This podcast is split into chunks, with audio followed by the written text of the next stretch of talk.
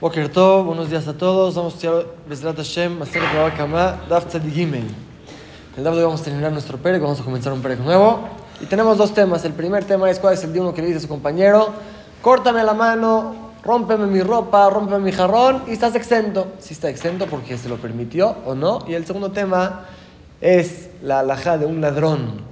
Volvemos a los ladrones que robó algo y salió ganando. Robó una vaca, la vaca se embarazó, tuvo un becerro. ¿De quién es este becerro? ¿Del ladrón o del dueño? Vamos a ver, empezamos el DAF con el primer tema, a la mitad del Amud. Los dos puntos donde dejamos el DAF de ayer. A Omer, Samet, Eni, Bejule. En la Mishnah vimos una diferencia.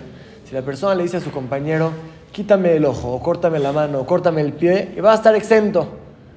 ¿Cuál es el din? Dice la Mishnah, no está exento, le debe de pagar.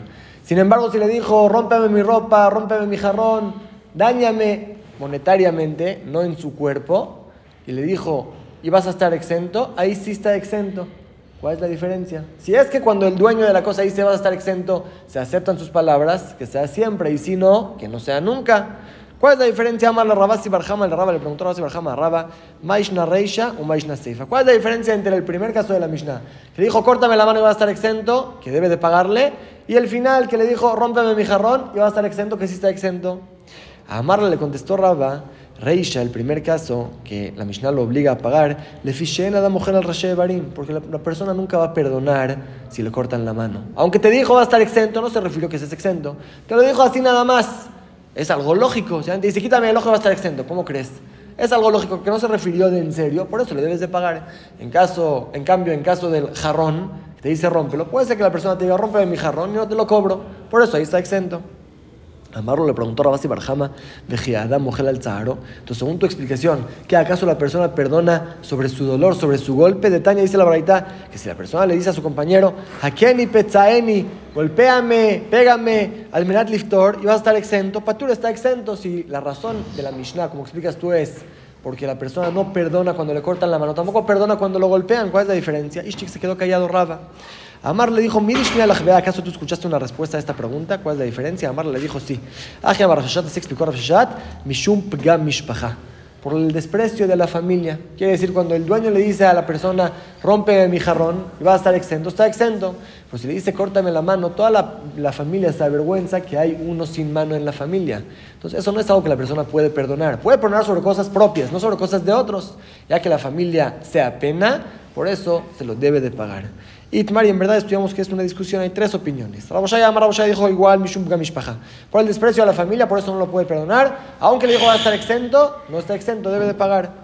Raba Amar, Raba, como vimos antes, él dio otra explicación. Dijo Mishum mujer porque la persona no perdona sobre un daño físico, le cortaron la mano, no va a perdonar. Sobre puro dolor, cuando le pegan, eso Raba opina que uno sí puede perdonar. Pero le cortaron la mano, claro que no va a perdonar. No es en serio lo que te dijo. Entonces, según esas dos explicaciones, se entiende la diferencia entre el principio de la Mishnah y el final de la Mishnah. El principio de la Mishnah que se trata de un daño físico que le corten la mano. Ahí o la familia se avergüenza o la persona misma nunca va a perdonar un daño así. Por eso le debe de pagar, aunque le dijo va a estar exento. En el último caso de la Mishnah, que le dijo rómpeme mi jarrón y va a estar exento, es una pérdida monetaria nada más. Ahí, ya que el dueño te dio permiso de romperlo, estás exento. Tercera explicación, Rabiohan, Amar Rabiohan dice, no hay ninguna diferencia. Tanto cuando lo daña en el cuerpo, tanto cuando le daña monetariamente, si le dijo va a estar exento, está exento, y si no, no. La Mishnah al, parecer se contradice, explica Rabbi Yohanan, Yesh hen yesh lav Hay sí, que significa no, y hay no, que significa sí. Depende como dices. Si dices sí, es sí. Si dices sí, es acaso sí, o si sí, claro, es diciendo que no. Ahí sí que es no, y ahí no que es sí. Y como la verdad explica tan en la dijo la verdad, también lo mismo. Si la persona le dice, ¿a quién pezaini? Golpéame, pégame. Le dice el otro, al mirar Liftori, voy a estar exento. Amarlo y le dijo, Hen, sí, claro. ¿Qué significa? Yesh Hen Eso significa que no va a estar exento. Y también al revés, si le dijo Suti, rómpeme la ropa, le dijo al Mirat Liftori, voy a estar exento, amarlo, Lab, ¿acaso no? ¿Qué es no? Que sí. Arei Lab Shuken, tienes aquí un no, que es como si depende nada más de la tonada, de la cancioncita que le das a las palabras.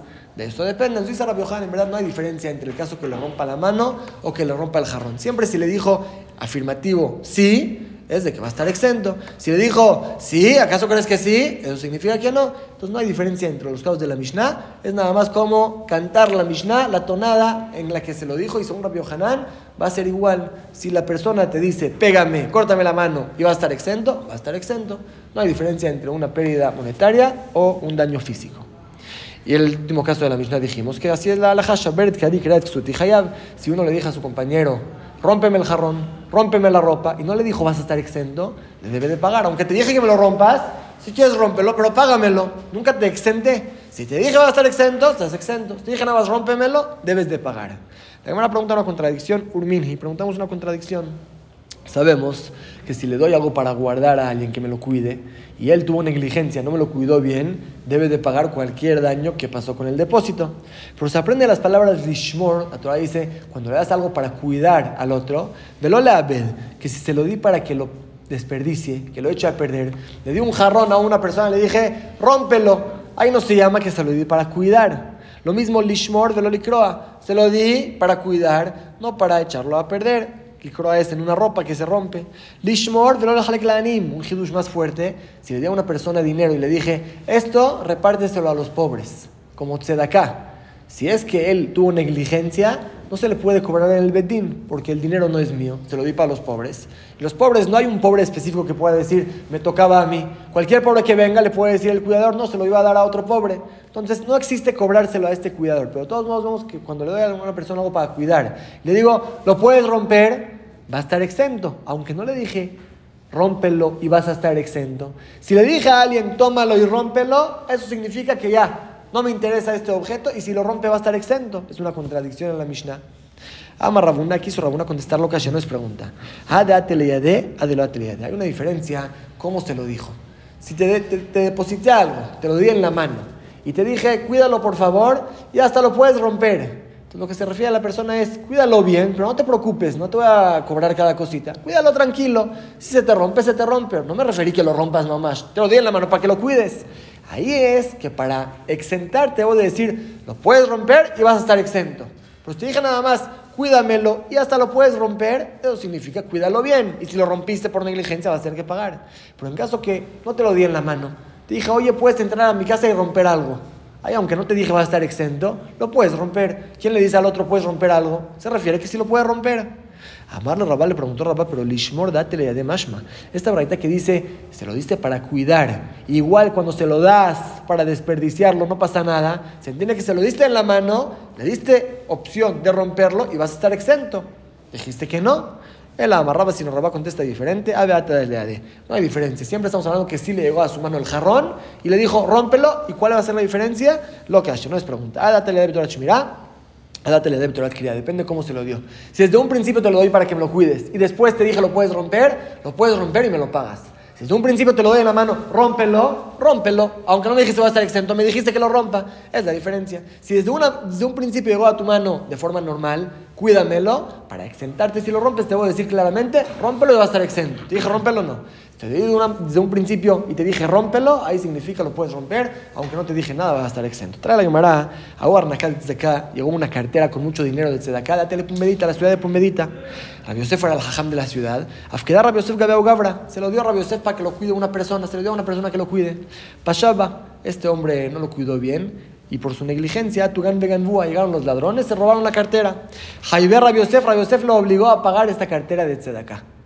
Amar la le preguntaba, Claramente estudiamos en la baraita que si le deposité un dinero de Tzedakah a una persona que se lo reparta a los pobres y se lo robaron, no se lo podemos cobrar. Yo no soy el dueño del depósito, es de los pobres. Y no hay ningún pobre específico que pueda venir a cobrárselo. ¿Por qué usted le cobra a esta persona?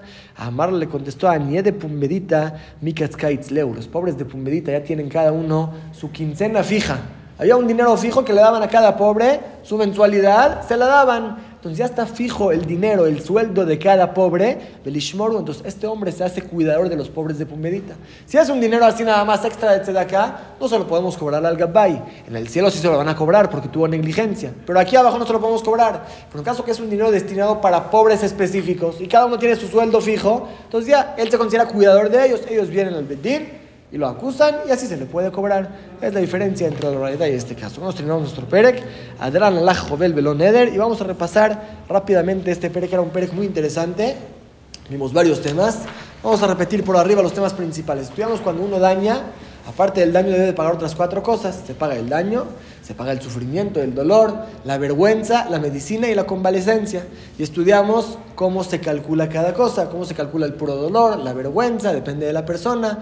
Trajimos varios pesuquín para traer la prueba que aunque la Torah dice cuando uno le corta la mano al compañero, le cortan también la mano, le quitó el ojo, le quitan el ojo, no se refiere literalmente, como trajimos varias pruebas, se refiere que pague el valor de lo que hizo. Vimos después la discusión famosa entre Rabbi y Jajamim si un ciego debe de cumplir las mitzvot o no. Si vamos que la verdad es que sí debe cumplir las mitzvot. Vimos que uno que se pelea con un niño chiquito sale perdiendo, porque lo que él lo golpea debe de pagar. Lo que el niño lo golpea no se le cobra, es como un tonto, como un sordo mudo que no se le cobra. Digamos que también al esclavo y a la mujer no se les cobra, pero no porque están exentos, simplemente porque no tienen dinero. Si es que se divorcia la mujer o se libera el esclavo, ya deben de pagar la deuda. Y la Gemara se metió a analizar si una mujer casada puede tener dinero propio o no, si puede vender su ketubá, puede vender sus terrenos. Vimos que sí puede tener, llegar a tener formas de tener dinero, pero no es un caso normal. Vimos también las cantidades que se pagan por una vergüenza, por una cachetada, por un jalón de oreja. Vimos las diferentes cantidades y casos que sucedieron y estudiamos la regla de Rabbi Akiva que no porque la persona se desprecia a sí mismo lo puedes despreciar. Él tiene derecho de hacerlo, tú no lo puedes despreciar. Al final del Pérez vimos varias recomendaciones para la vida, cómo uno debe comportarse, cómo uno debe de cuidar, de estar tranquilo, de comer pachajarit, comer sano en la mañana. Es lo que vimos al final del Perec. Ese fue el Perec anterior. El nuestro Perec nuevo es un Perec un poco, un poco largo, el penúltimo Perec del Masejet. Tiene 17 dapim y el tema del Perec es de Gazlán, de los ladrones. Ya estudiamos el ladrón que debe pagar Kefel, Arba Hamisha. No es el tema ahora del Perec, son otros temas. Primer tema es el tema principal que vamos a ver al principio del Perec, que un ladrón paga como el momento que robó. Si robó algo y después mejoró, él se lleva la mejoría. Él adquiere lo que robó, vamos a ver en qué casos, y todas las ganancias se las lleva él, él paga como el momento que robó. Vamos a ver después la salajot de un eh, empleado que me echó a perder lo que le di. Di lana a un pintor que me la pinte y me la pintó mal. ¿Cuánto debe de pagar? ¿Se considera como un ladrón? O un cuidador que le di algo y tuvo negligencia, ¿se considera como un ladrón? Vamos a ver si me juró en vano. Juró, no, no tuve ninguna negligencia, que se le cobra. Ese es Hashem Gezelot, Hashem Meilot. Vamos a estudiar todos esos temas de Korbanot. Y también qué pasa con uno que le robó a un converso y el converso no tiene herederos y ahora se murió. ¿Debe de regresar algo? ¿A quién le debe de regresar? Son los temas principales de nuestro Pérez. Como dijimos, vamos a empezar con el primer tema que es, como dice la Mishnah. Agozel Etzim, uno que robó maderas. Vasan Kelim, y los convirtió en objetos, hizo una mesa. Tzemer o robó lana de Asam Gadin y hizo de ella una ropa. ¿Cuánto debe de pagar? Ahora debe pagar una mesa, una ropa, ¿no?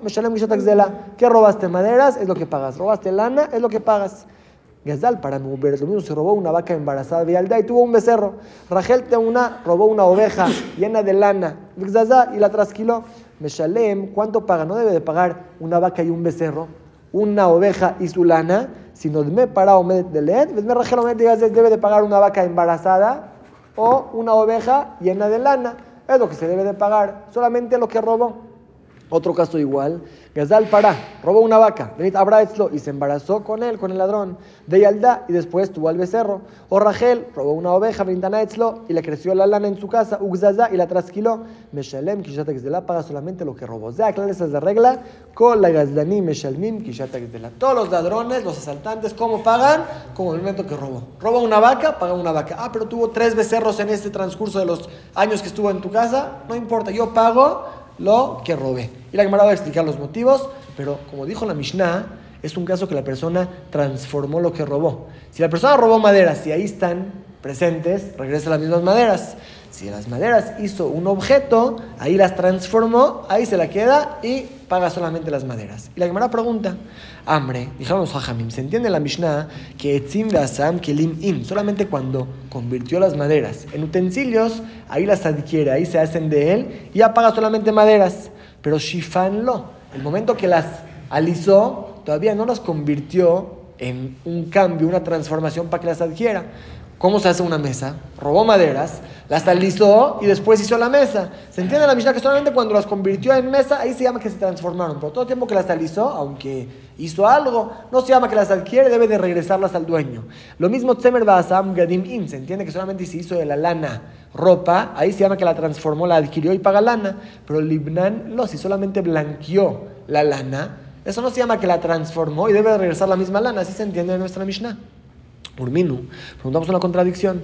Dice la Braita, Gazaletzim Beshifan, si la persona robó maderas y las alisó, Avanim Besitetán, o piedras y las hizo cuadradas, las alisó también, Tzemer de Libnan, o lana que la blanqueó, o Pishtan de Nikau, o lino que lo limpió, Meshalem Zela, paga como el momento que robó, quiere decir, ya adquirió la lana, las maderas, solamente debe pagar lo que costaba al momento que robó. Es una contradicción. ¿Debe de ser que se transformó a un utensilio para que lo adquiera o no? Desde que lo alisó ya se llama que se transformó. Primera respuesta, Amarabay contestó a Valle, no es, no es pregunta. Tana Didan, Tan Shinui de Rabbanán de Adra, el Taná de nuestra Mishnah, habló de una transformación de Jajamim. O sea, no es una transformación completa, pero igual Jajamim decretaron que sí se considere transformación. ¿Por qué no se llama transformación completa? Porque puede regresar a su primer estado. ¿Cómo son los casos? Perdón, con más razón se transformó completamente. ¿Cómo son los casos? Kelim, una madera que hizo un utensilio, Beetzim Shupim. El Señor no robó maderas todas mal hechas, robó unas maderas ya lisas, ya preparadas para construir una mesa. Un no ¿cuál es el caso? Nesarim. Palos de madera ya preparados, que la persona nada más arma una mesa de Shinui Dar Libriatai. Se puede regresar a su primer estado. Si quiere, saca los clavos y regresa como estaba. Y Tzemer Basam Gadim, ¿cuál es el caso de la lana que las hizo ropa? Betzemer Tabu y la lana ya estaba hilada, robó hilos de lana de Shinui Dar Tau. Es algo que puede regresar a su primer estado. De iba a desatarle si quiere, deshace la ropa. De cual chequen Shinui Orate, con más razón dice la Mishnah, si es una transformación de la Torah que alisó las maderas o que blanqueó la lana, claro que va a servir. Como dice la Braita, la Braita habló solamente de una transformación de Oraita, no una transformación de Rabanán. Entonces no es una contradicción. Todo el mundo acepta que alcanza con alisar maderas y acepta alcanza con blanquear la lana. Claro que se llama transformación y el ladrón lo adquiere y paga como el momento que robó. El Jedush de la Mishnah es que aún en caso que no hizo una acción de cambiar, de transformar, de alisar la madera, es una transformación que puede regresar a su primer estado. Tomó maderas y construyó una mesa que se puede desarmar. Tomó hilos, hizo una telita que se puede volver a quedar en hilos. Igual, en este caso, se considera transformación. Es el Jesús de nuestra Mishnah, no es una contradicción. Primera respuesta. Rabashi Amar Rabashi dijo otra respuesta. De Oraita Katan el nuestra Mishnah, también habló de una transformación completa. ¿Cómo es el caso? Maderas que las hizo utensilios, no son maderas que las alisó y hizo una mesa, no es el caso. Son bugne, utensilio, es, puede ser también un molcajete, dainu shifan, eso es alisar, no son dos dos pasos, también alisar y también construir la, la, la, mesa.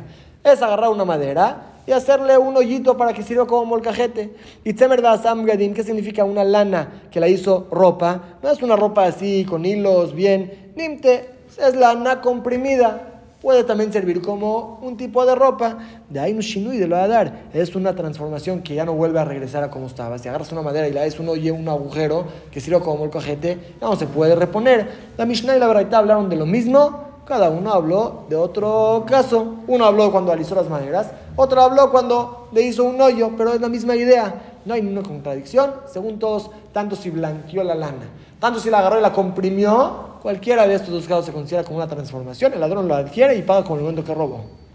Sigue preguntando la camarada.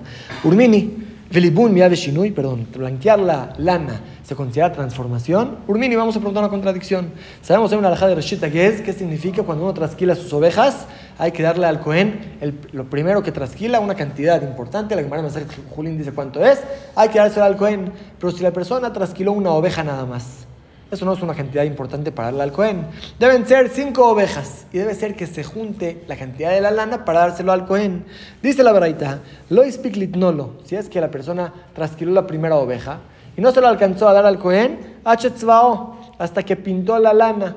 Patur ya adquirió la lana, por la misma razón no hay ningún Cohen que pueda venir a acusarlo al Bedín, pues si no te lo quiere, no te lo quiero dar a ti, se lo quiero dar a otro Cohen. Entonces, si ya pintó la lana, la transformó y la adquirió.